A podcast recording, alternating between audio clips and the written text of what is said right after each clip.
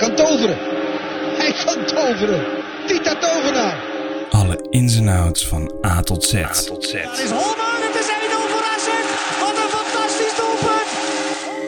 Welkom bij de AZ Alerts podcast. Maar wij zijn toch echt de beste? Gemaakt door supporters voor supporters. Eltidoor. Welkom beste luisteraar, welkom terug bij de AZ Alerts podcast. Na een geweldige seizoenstart volgden de desastreuze weken elkaar in rap tempo op. Al drie keer wist AZ niet te winnen. Dit keer kwam Excelsior na een dramatische wedstrijd in de slotfase volledig verdiend langs zij. PSV raakt uit zicht en daarmee snijdt AZ zichzelf volledig onnodig mee in de vingers. De kritiek op Pascal Jansen neemt toe en met een loodzwaar programma op komst is het alles boven roze geur en maneschijn in Alkmaar. Daarom is het hoog tijd om, voor zover mogelijk, de moed erin te houden en uit te kijken naar twee mooie affiches. Dat ga ik, Remy, doen met Anthony en Neil. Heren, welkom. Hebben jullie eh, mentaal nog een beetje op kunnen laden voor deze podcast?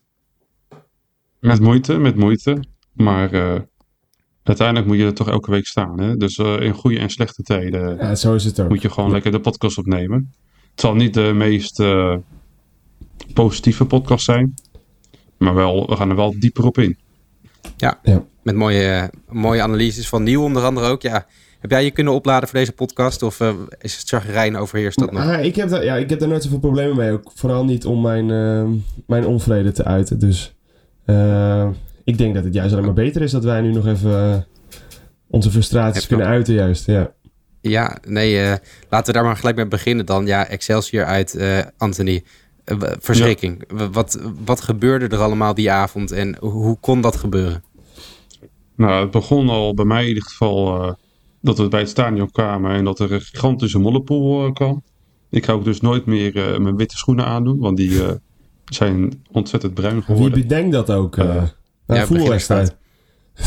Ja. eh, Jammer. Nee, het uitvak eh, bij Excelsior staat niet echt, eh, is niet eh, van de hoogste klasse van de Eredivisie, maar dat maakt niet uit. Maar in ieder geval, eh, we- tijdens het rijden eh, kwam de opstelling eh, bij ons eh, terecht. En toen begon het al met Bruno Martins in het basis en eh, Jens Otgaard. Nou, Bruno Martins die eh, ben ik niet helemaal fan van. Speelde wel goed eh, eh, de wedstrijd ervoor. Maar van Jens Otgaard, die heeft echt helemaal niks laten zien nog dit seizoen en het einde vorig seizoen. Dus het verbaasde ons in ieder geval in de auto ontzettend dat hij eh, in de baas begon. Wat vonden jullie daarvan? Ja, ongelooflijk eh, verrassende keuze natuurlijk. Ja, ik denk dat het iets is, het was van Pascal Jansen bedacht om hem misschien dat vertrouwen te geven vanaf de start. En dat er daardoor misschien iets meer uit zou kunnen, dat hij iets meer ontspannen zou voetballen. Maar hij liep echt met zijn ziel onder zijn arm eh, ja, over dat veld. Het was echt schrijnend om te zien. Ook naar voor die jongen, want hij kan echt wel voetballen. En je ziet gewoon dat het niet wil. Eh, ja, ik, ik zie niet zo heel snel een, een uitweg meer eh, richting de toekomst voor hem. En wat hij nog voor AZ kan betekenen. Maar misschien zie ik dat verkeerd hoor. Maar het, was erg pijnlijk om te zien vooral. Dus eh, Nee, helemaal mee ja, eens. Eh, ja, ik weet het ook niet eh, precies. Ja, ik weet niet nieuw. eh, wie zou jij er liever hebben zien staan dan? Ja, ik, ik vind het ook lastig om te zeggen van wie moet je er dan neerzetten. Want niemand presteert echt goed vanaf de start daar. Maar ik weet niet of jij misschien een idee hebt. Nou ja, ik denk gewoon dat je... ehm, We hadden het over Odgaard, toch? Of ben ik nou... Ja. Ja, ja, ik net zeg was, je was even uitgeveed. Nee. Ehm, ja. Ik, ehm, ik weet in ieder geval dat je, dat je daar niet met Odgaard moet gaan staan. Ja. Ja, dat is een heel simpel iets. Maar vorig jaar, vorig jaar is het. Ik, ik begrijp natuurlijk wel waar Jansen dan vandaan komt met het ding van... Ja, eh, hij heeft natuurlijk vrijwel een eh, geheel jaar, onderbroken jaar... eh, daar enigszins goed tot, tot voldoende gepresteerd. En om dan...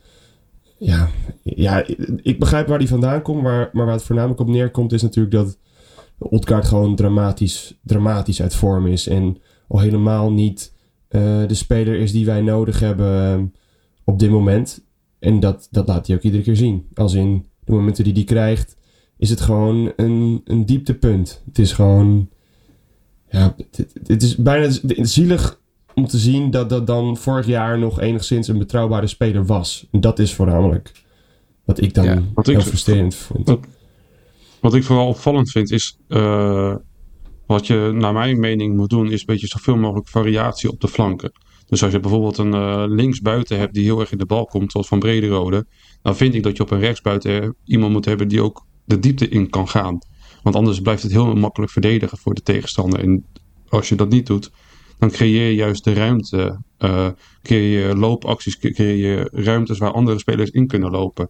En als je dan nu twee spelers hebt die allebei in de bal komen, moet uh, die ruimte dus uh, belopen worden door de twee backs. Maar als die ook niet helemaal lekker in de wedstrijd zitten, nee. dan ga je helemaal niks creëren. En ik dacht, ik ga er even een paar uh, statistiekjes of cijfertjes van Jens Ottegaard in de wedstrijd tegen Excelsior bij halen. hij had in totaal vijf voorzetten. Van de vijf kwamen er, om precies te zijn, nul aan. Uh, daarnaast heeft hij vier tackles gedaan. Van deze vier tackles waren er nul succesvol. Uh, daarnaast uh, van zijn grondduels won hij 55%. En van zijn luchtduels heeft hij er ook nul gewonnen. Maar dat zijn natuurlijk geen positieve statistieken. Daarnaast heeft hij ook nog nul schoten gehad op doel. En nul kansen gecreëerd. Is er dan iets wat wel in zijn voordeel precies... was? Is er dan... Want ja, in, hoe, hij, in, uh, in, hoe het spelbeeld was, lijkt het mij dat je daar maar elke speler neer kan zetten.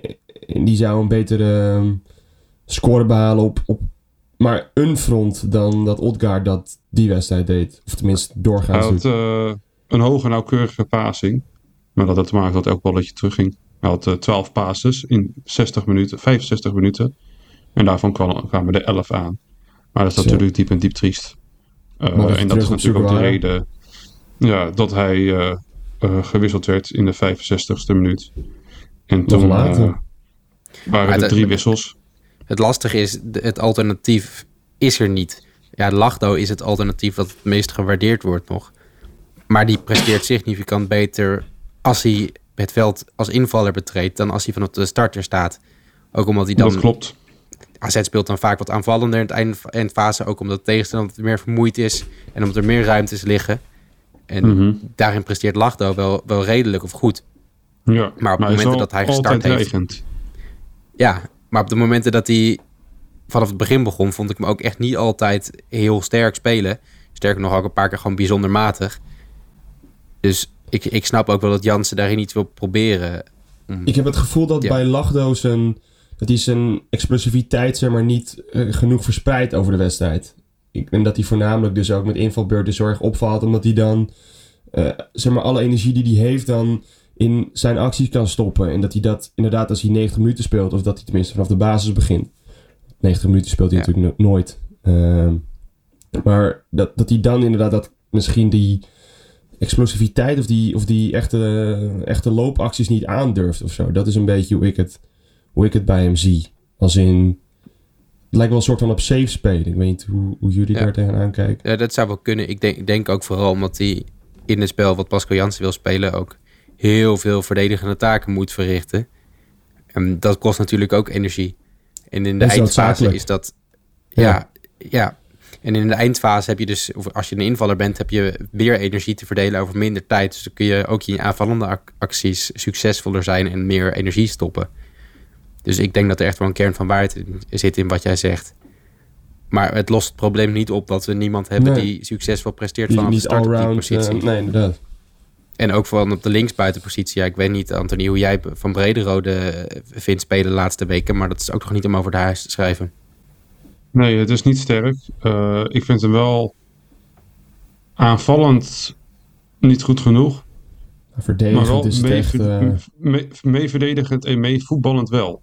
Ja. Dus het is eigenlijk goed tot en met de 16. Maar als hij elke keer dan, dan trekt hij of zijn actie te lang door, of het wordt dan een tikje terug, of hij schiet niet wanneer hij moet schieten. Uh, hij paast wanneer hij uh, niet moet pasen. En die beslissing voor de 16, dat lukt hem niet heel goed. En eigenlijk verbaast me dat wel als je vergelijkt naar zijn rendement in, uh, in het jeugdvoetbal. Daar was hij juist ontzettend dodelijk. En het lijkt wel alsof hij een beetje op zee wilt spelen en denkt: oké, okay, weet je, als mijn statistieken gewoon goed zijn van ik paas me naast de juiste kleur, daar kijkt de trainer gewoon veel naar, dan weet ik dat ik speel. Gewoon zo min mogelijk fouten maken. En zo speelt hij ook. Ik, hij mag wel iets meer risico innemen. Natuurlijk verliest hij dan wat vaker de bal. Maar hij zal dan ook wel vaker in de positie komen dat hij wel kan, gaat scoren. Dus ik ja. zie er wel potentie in, maar het is inderdaad nu niet goed genoeg. Voor een Maar speler van een- AZ. een beetje het probleem, denk ik, met al die posities op de flanken. Dus links heb je Van Brederode, die niet voldoende is nog. En het alternatief op links is vooral Van Bommel. Nou, die heeft zich ook niet bewezen. In het begin had hij twee goals. Nou, leuk, maar verder was dat ook niet zo heel veel. Nee. Zeker mee voetballend niet. Ehm, rechts heb je dan Lachdo en Otkaart. eh, en Sadiq nog, maar die overtuigen ook. Alle drie niet. Ja, Poku is ook nog te, te, te, te zwak eigenlijk in de momenten dat hij speelt. Dus je hebt gewoon geen spelers die er echt uit de verf komen. Ik denk ook dat Poku voornamelijk ook verdedigend gezien eh, nog steeds ook tekort zou komen. Ik weet, in de Youth League gezien had je natuurlijk een heel sterke ehm, eh, aansluiting. Althans, je was eigenlijk natuurlijk constant vrijwel aan het aanvallen. En alle ballen die verdedigend daar had, die werden gelijk eh, opbouwend eh, naar voren gestuurd. Maar ik denk dat Poku daar inderdaad sowieso nog niet op aansluit. En moet ik zeggen, als we dan toch namen aan het noemen zijn, dat ik eh, misschien Sadiq dan nog de beste ehm, allrounder heb gevonden in die wedstrijd. Die toen Ja. 90 minuten nog speelde, of tenminste vanaf de start mocht eh, eh, beginnen. Omdat eh, ik denk ik in een. eh, omdat denk ik volgens mij een, een, een goede AZ-vleugelspeler beschikt over een soort van ehm, energie die er ook voor kan zorgen dat hij op een soort van eh, een lakse of luie manier eh, goede acties kan maken. Een goede vleugelspeler die heeft zijn momenten, maar die behoudt ook zijn, ehm, zijn, zijn vorm zeg maar, door de wedstrijd heen. Die verdedigt mee en die is onzichtbaar tot die momenten dat hij daadwerkelijk wat laat zien. Zoals je dat natuurlijk hebt gehad met Carlson de afgelopen jaren. Dat hij inderdaad dan voornamelijk heel lak speelt en voornamelijk eh, gewoon rustig meevoetbalt. Maar dat hij wel die ehm, beslissmakende momenten heeft. Eh, en dat is gewoon Ja. iets wat je op dit moment mist bij AZ. Eh, een speler die en op die manier meevoetbalt zoals dat Van Brederode dat doet. Maar dan ook nog de durf en het lef heeft en energie heeft om die acties nog te maken. Maar het, het zegt wel wat dat je Sadiq als beste optie daar ziet. Omdat hij natuurlijk ook echt niet per se overtuigt in die wedstrijden die hij speelde. Nee, dus helemaal niet. Nee. het, het is Nee, gewoon een beetje een, een zorgenpositie, posities eigenlijk. Zeker. Dus Nee, ik vind Sadiq ook totaal nog niet overtuigen. Ook de wedstrijd dat hij startte. Al zijn dribbles eh, niet gelukt. Alle voorzetten waren niet gelukt. Alle dieptepasses, alle, allemaal 0%. Allemaal, Eh, allemaal dus dat oprecht, oprecht allemaal. In Allemaal. Ja, allemaal 0%. mijn- bij alleen die Grondduels, goal, eh was het 33% eh, gewonnen. Eh, hij overtuigt gewoon niet. En dat, dat zeiden we al toen we filmpjes van hem zagen voordat hij al bij Z speelde. Hm. Hij is gewoon ontzettend slordig en zijn eerste aanname is ook gewoon niet altijd goed. En dat is het moment dat een agressieve verdediger tussen kan zitten en hij is de bal kwijt. En dat gebeurt gewoon veel te veel. Eh, Wat er wel opvalt, ik zit nu ook even eh, de statistieken te kijken, dus niet dat jullie denken hoe weet je dat allemaal uit je hoofd. Dat Nee, eh, in zijn vijf, dat Poku in zijn invalbeurtjes, en dat zijn er natuurlijk niet zoveel, wel gewoon drie assists heeft. Ja. En Poku is ook natuurlijk dat- slordig, ook met eerste aanname. Maar hij is wel, waren geen succesvolle hoor, dat was snel. meer gelukkig. Ja, dat klopt. Maar hij is wel te snel. Dus dat vind ik Ja. altijd wel een, een wapen wat je kan gebruiken. Omdat wij gewoon te weinig spelers hebben die in de diepte lopen. Dat Ja. is denk ik het probleem bij AZ. nou je hebt ze wel met Lachdo en Sadiq, maar ze doen er dan niet veel mee. Ja, Sadiq wil wel de bal in de voeten en dan Ja, lanceert hij zichzelf. En. Poku, die kan je gewoon de bal over de laatste linie gooien of eh er tussendoor. en die rent achter de, la- achter de, Maar dat- dat- achter de dat is- tegenstander. Dat is het verschil. Zo'n actie zoals Lachdo, die, die, die acties van Lachdo kun je niet de hele wedstrijd maken. Dat is ook voornamelijk wat Remy dan Dat eerder klopt. zegt. Waarom die, dat, dat is het probleem. En dat is dan... Ja. Want dat is natuurlijk wel hoe je Mhm. het wil zien. Je wil wel, wel natuurlijk een speler zien die de hele wedstrijd maar eh, achter de bal aan kan lopen. En ehm, de een naar de andere dieptebal achterna gaat. eh, fantastische eh, passeerbeweging maakt en de bal voorgeeft of, of schiet. Maar dat, dat is nou met, met Lachdo op dit moment nog, nog steeds niet, Ja. Niet haalbaar. Mhm. Maar als dat allemaal niet, niet haalbaar is met hem niet en met andere spelers het ook niet goed gaat, Dat is dan Uh, de valt dan te overwegen de- dat, dat eh nou, AZ in de komende week of misschien wel weken in een andere formatie gaat spelen? Bijvoorbeeld met twee, twee aanvallers en vijf verdedigers. Nou, ik denk dat ze- zelf dat AZ dat nooit gaat doen, omdat het eh, niet in het AZ-schooltje past, om maar zo te zeggen. Alle jeugdelftallen spelen op dezelfde manier. Eh, maar Ja, moet je dat je, verwoorden? gewoon, aan- je moet gewoon altijd de beste elf eh, opstellen in de juiste samenstelling. Al heb jij een selectie waaruit blijkt dat zij beter bijvoorbeeld 4-4-2 kunnen spelen. Ja, wie ben ik om daar wat van te zeggen of, of van te vinden? Dan moet je dat lekker Ja. doen. Volgens mij zijn wij eh, in 2009 kampioen geworden met 4-4-2. Ja, oké, maar dat is dan een 4-4-2 en dat verschilt Hm. enigszins van 4-4-3, maar minder dan misschien een, een 5-3-2 daarmee verschilt. Omdat dat wel wat verdedigender ingesteld is. Eh, Ja, je kan bijvoorbeeld natuurlijk vrij aanvallend maken. Je hebt Ja. natuurlijk met Wulf en Yuki die vrij aanvallend Mhm. zijn. En dan kan je twee cv's doen met Bazoer in het midden die doorschuift eh, naar het Zeker omdat Baz- Bazoer dat al kan. Ja. En dan heb je toch een ideaal met Ja. Benetra. Die wil je liever ook niet op de bank, tenminste ik niet. Daar heb je niet. toch heel veel mogelijkheden liggen. Ik weet, ik weet niet of jij dat anders ziet, Niel, maar dat, dat is toch heel erg voor de hand liggend. Ja, ik, ik denk het wel. Ik denk dat je. ehm, ehm, ja, ik- het ligt voor de hand, maar ik denk dat dat inderdaad binnen, binnen wat Anthony ook zegt, binnen het AZ-plan gewoon niet een eh, optie is die je kan uitstralen als club zijn. Ik denk dat AZ ehm, mede, denk ik, in hun eigen hoofd, en dat is natuurlijk deels ook, eh, succesvol is omdat ze juist zich zo vasthouden aan bepaalde principes. En een van die principes is dus uiteraard ook dat je elke wedstrijd eh, van, van, van de onder de 11 tot de dames 11 tot, tot eh, AZ1 in de 4-3 speelt.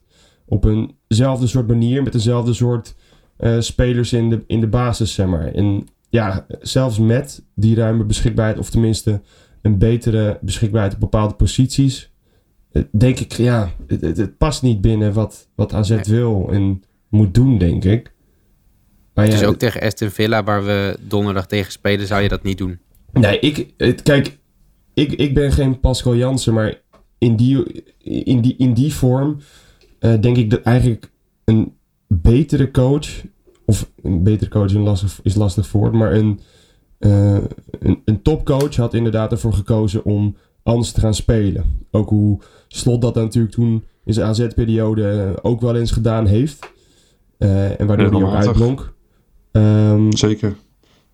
om dan ehm, inderdaad anders te gaan spelen op basis van je tegenstander. Dus iets af te wijken van dat AZ-plan. eh, van dat AZ-plan. En eh, ja, dat, dat is in mijn optiek, of dat zou volgens mij een succesvol iets kunnen zijn. Maar ja, wat ik zeg, eh, in de huidige ehm, ehm, AZ-belevenis denk ik dat dat gewoon nooit gaat gebeuren.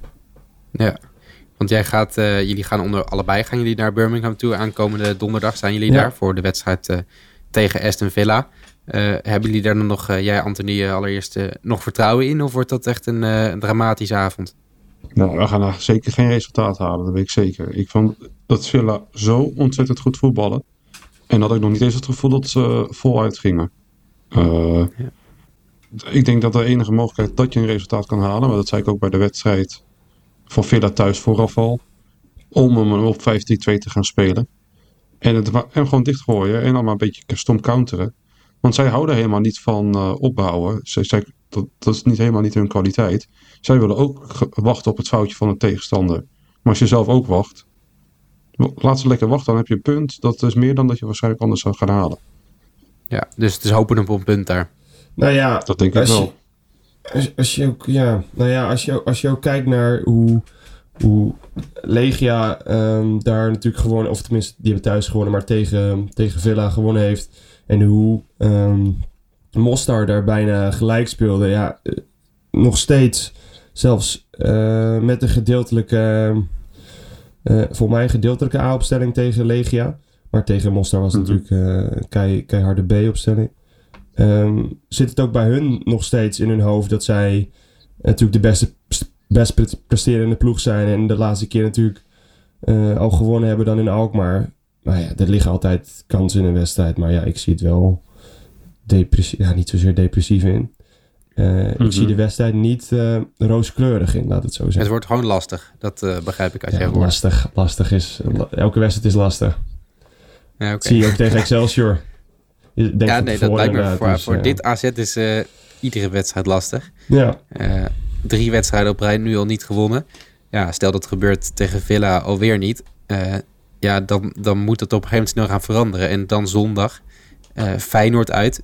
Ja, dat wordt ook niet heel makkelijk. Dus eh, ja, zijn jullie er ook bij of is dat eh, niet het Nee. geval? Nee, Ik, land zaterdag op uh, einde middag uh, in Nederland. En dan vind ik het wel lekker om even een, een dagje vrij te hebben. Gewoon thuis vanaf de bank te kijken. Dus ik uh, volg hem lekker op ESPN. Heel verstandig. En jij Nieuw? Het is mijn verjaardag, dus ik... oh. ik heb dit keer ehm, afgewezen. Of tenminste, ik ben de afgelopen paar jaar elk jaar, elk jaar geweest. Ik zou bijna mijn seizoenskaart met een extra optie uh, toevoegen om uh, Feyenoord uit daar ieder, ieder jaar aan toe te voegen. Maar uh, nee, dit jaar sta ik hem over. En dan zul je net zien ja. dat we dan wel resultaat behalen wellicht. Ja, ik vind het altijd een mooie away day. Ja, vorige twee jaar ging dat natuurlijk gruwelijk mis. in de laatste minuut. Ga jij heen? Mm -hmm. Nee, ik ga er niet heen. Niet, uh, ik had graag gewild, maar ik, ja, ik was uh, te apathisch in mijn uh, ticketbestellingen. Dat was heel snel gegaan. Die, ja, ja, ja. ja dat, dat, dat, dat, sloeg niet ergens op hoe snel die het was uitverkocht. Dus dat was stom van me. Maar ja, de eigen schuld, dikke beeld. Ik was er graag bij geweest om dit keer wel een positief resultaat in Rotterdam te halen. Al valt het natuurlijk nog te bezien. Um, ja, er zit, zit daar wat in tegen Feyenoord? Of is dat ook eigenlijk een heel, heel lastig verhaal? Ik wil niet uh, dramatisch klinken. Maar ik heb, ik heb er ook wel een hard hoofd in dat wij daar gaan winnen. Ik vind Feyenoord ontzettend goed voetballen. De laatste twee wedstrijden wel wat minder. Uh, maar er zit zoveel energie in. En ook in het afjagen. Echt gewoon het typische Arne Slot voetbal. Wat wij ook anderhalf jaar van mogen hebben genieten.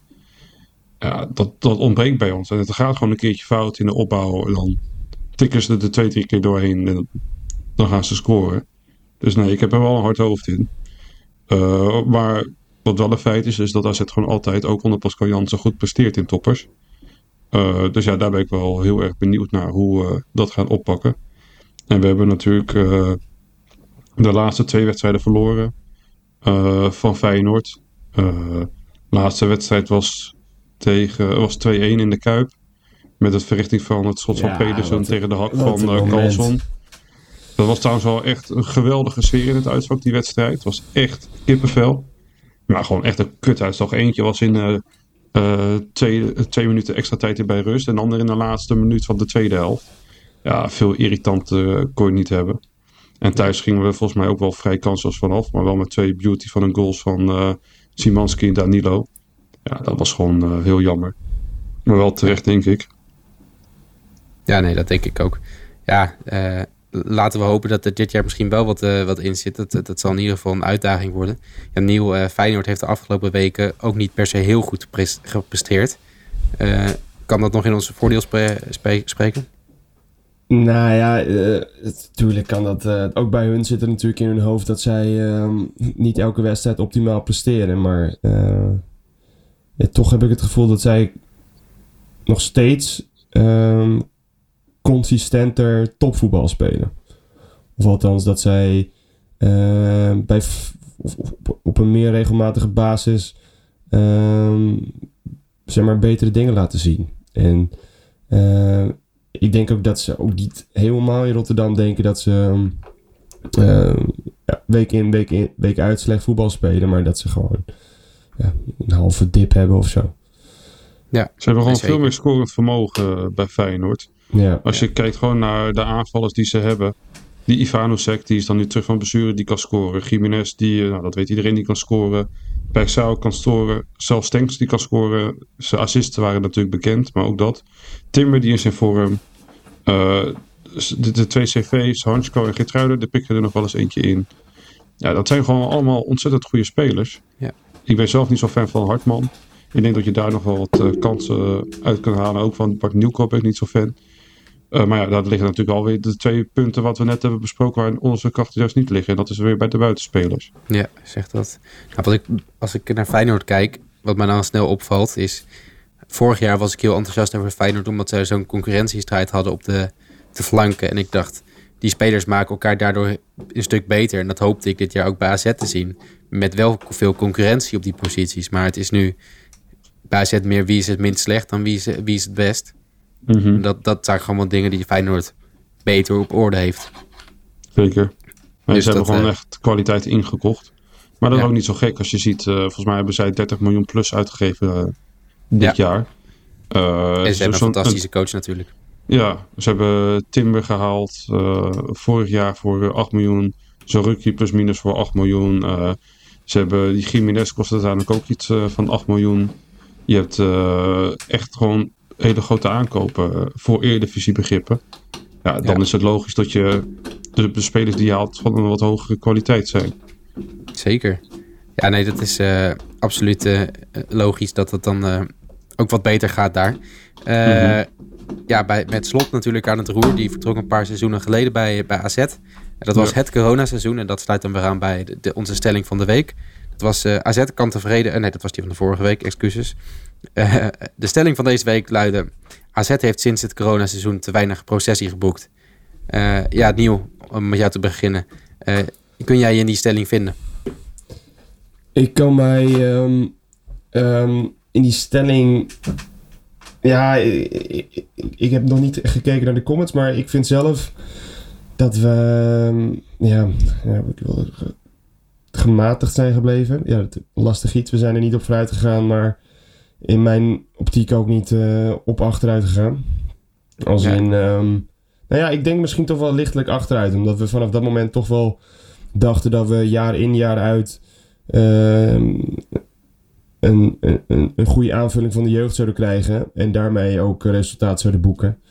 En ja, dat is dan toch tegengevallen als je bekijkt uh, wat voor selecties we in ieder geval elk jaar op de benen hebben gekregen. Daar had, ja. denk ik, uh, in het verwachtingspatroon meer in kunnen zitten.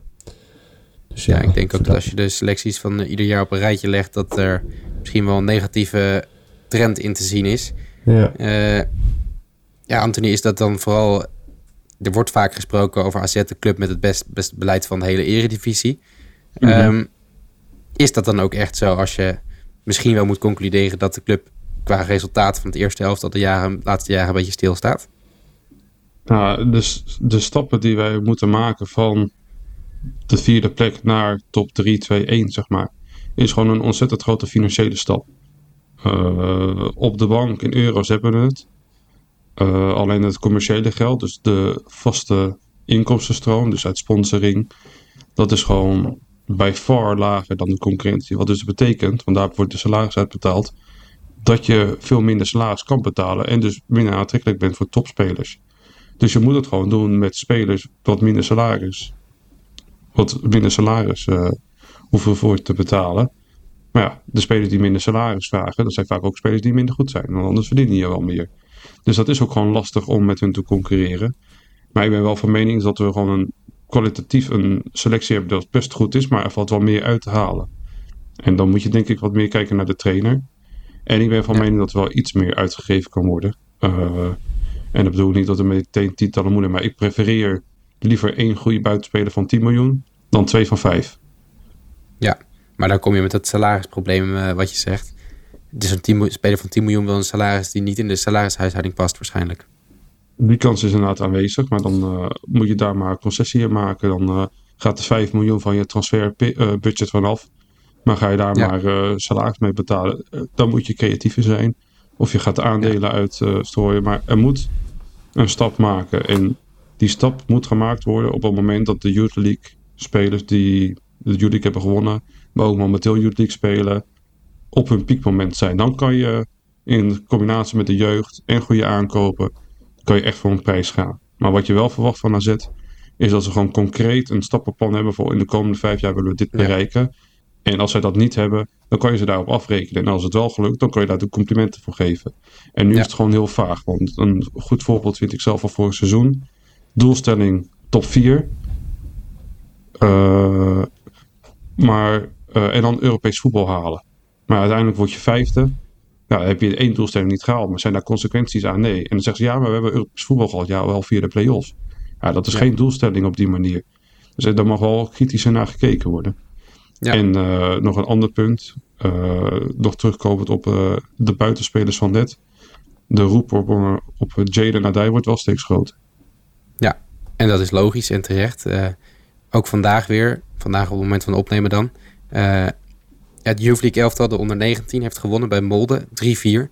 Uh, helaas hebben we er niks van kunnen zien, omdat uh, het streamen van die wedstrijden volgens UEFA-reglementen niet mogelijk is. Uh, dus we moeten maar op de geluiden afgaan dat het een, uh, iets wat nou, ongelukkig zegen was voor AZ in het feit dat uh, drie tegendoelpunten wat geflatteerd was. Twee penalties en een hoekschop. Uh, ja, dat moet wel gewoon goed komen dan volgende week in, in, uh, bij, de, bij de Wormernieuw. Ik um, heb zoveel zekerheid of zoveel vertrouwen in het huidige Youth League elftal. Uh, dat ik dat inderdaad daar geen probleem in zie, nee. Zeker niet ja. als je ziet dat we... Ja, ten nauwe nood. Het, het, was, het, was 2-4 en toen werd het, werd het 3-4, toch? Zoiets uh, ja. het speelbeeld. Ja, Klopt. kijk.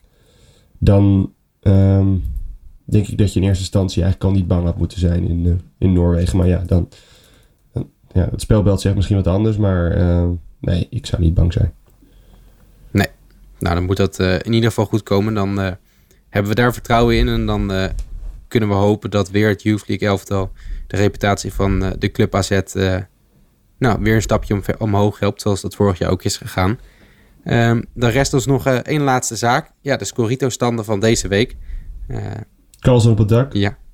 Carlsen op het dak, ja, dat is mijn prachtige gebruikersnaam. Tijdens de vorige podcast was daar nogal wat onduidelijkheid over wie dat doen. was. Maar ja. toen herinner ik eraan dat jij dat was. Maar, ja, nee, Carlsen op het uh, dak is ook nog een, een zakje ge, gedaald op de ranglijst. Helaas, ik sta nu vierde. Dat is jammer. Ah, dat is minder. Uh, maar de Latta Touch staat nog altijd eerste, heel knap.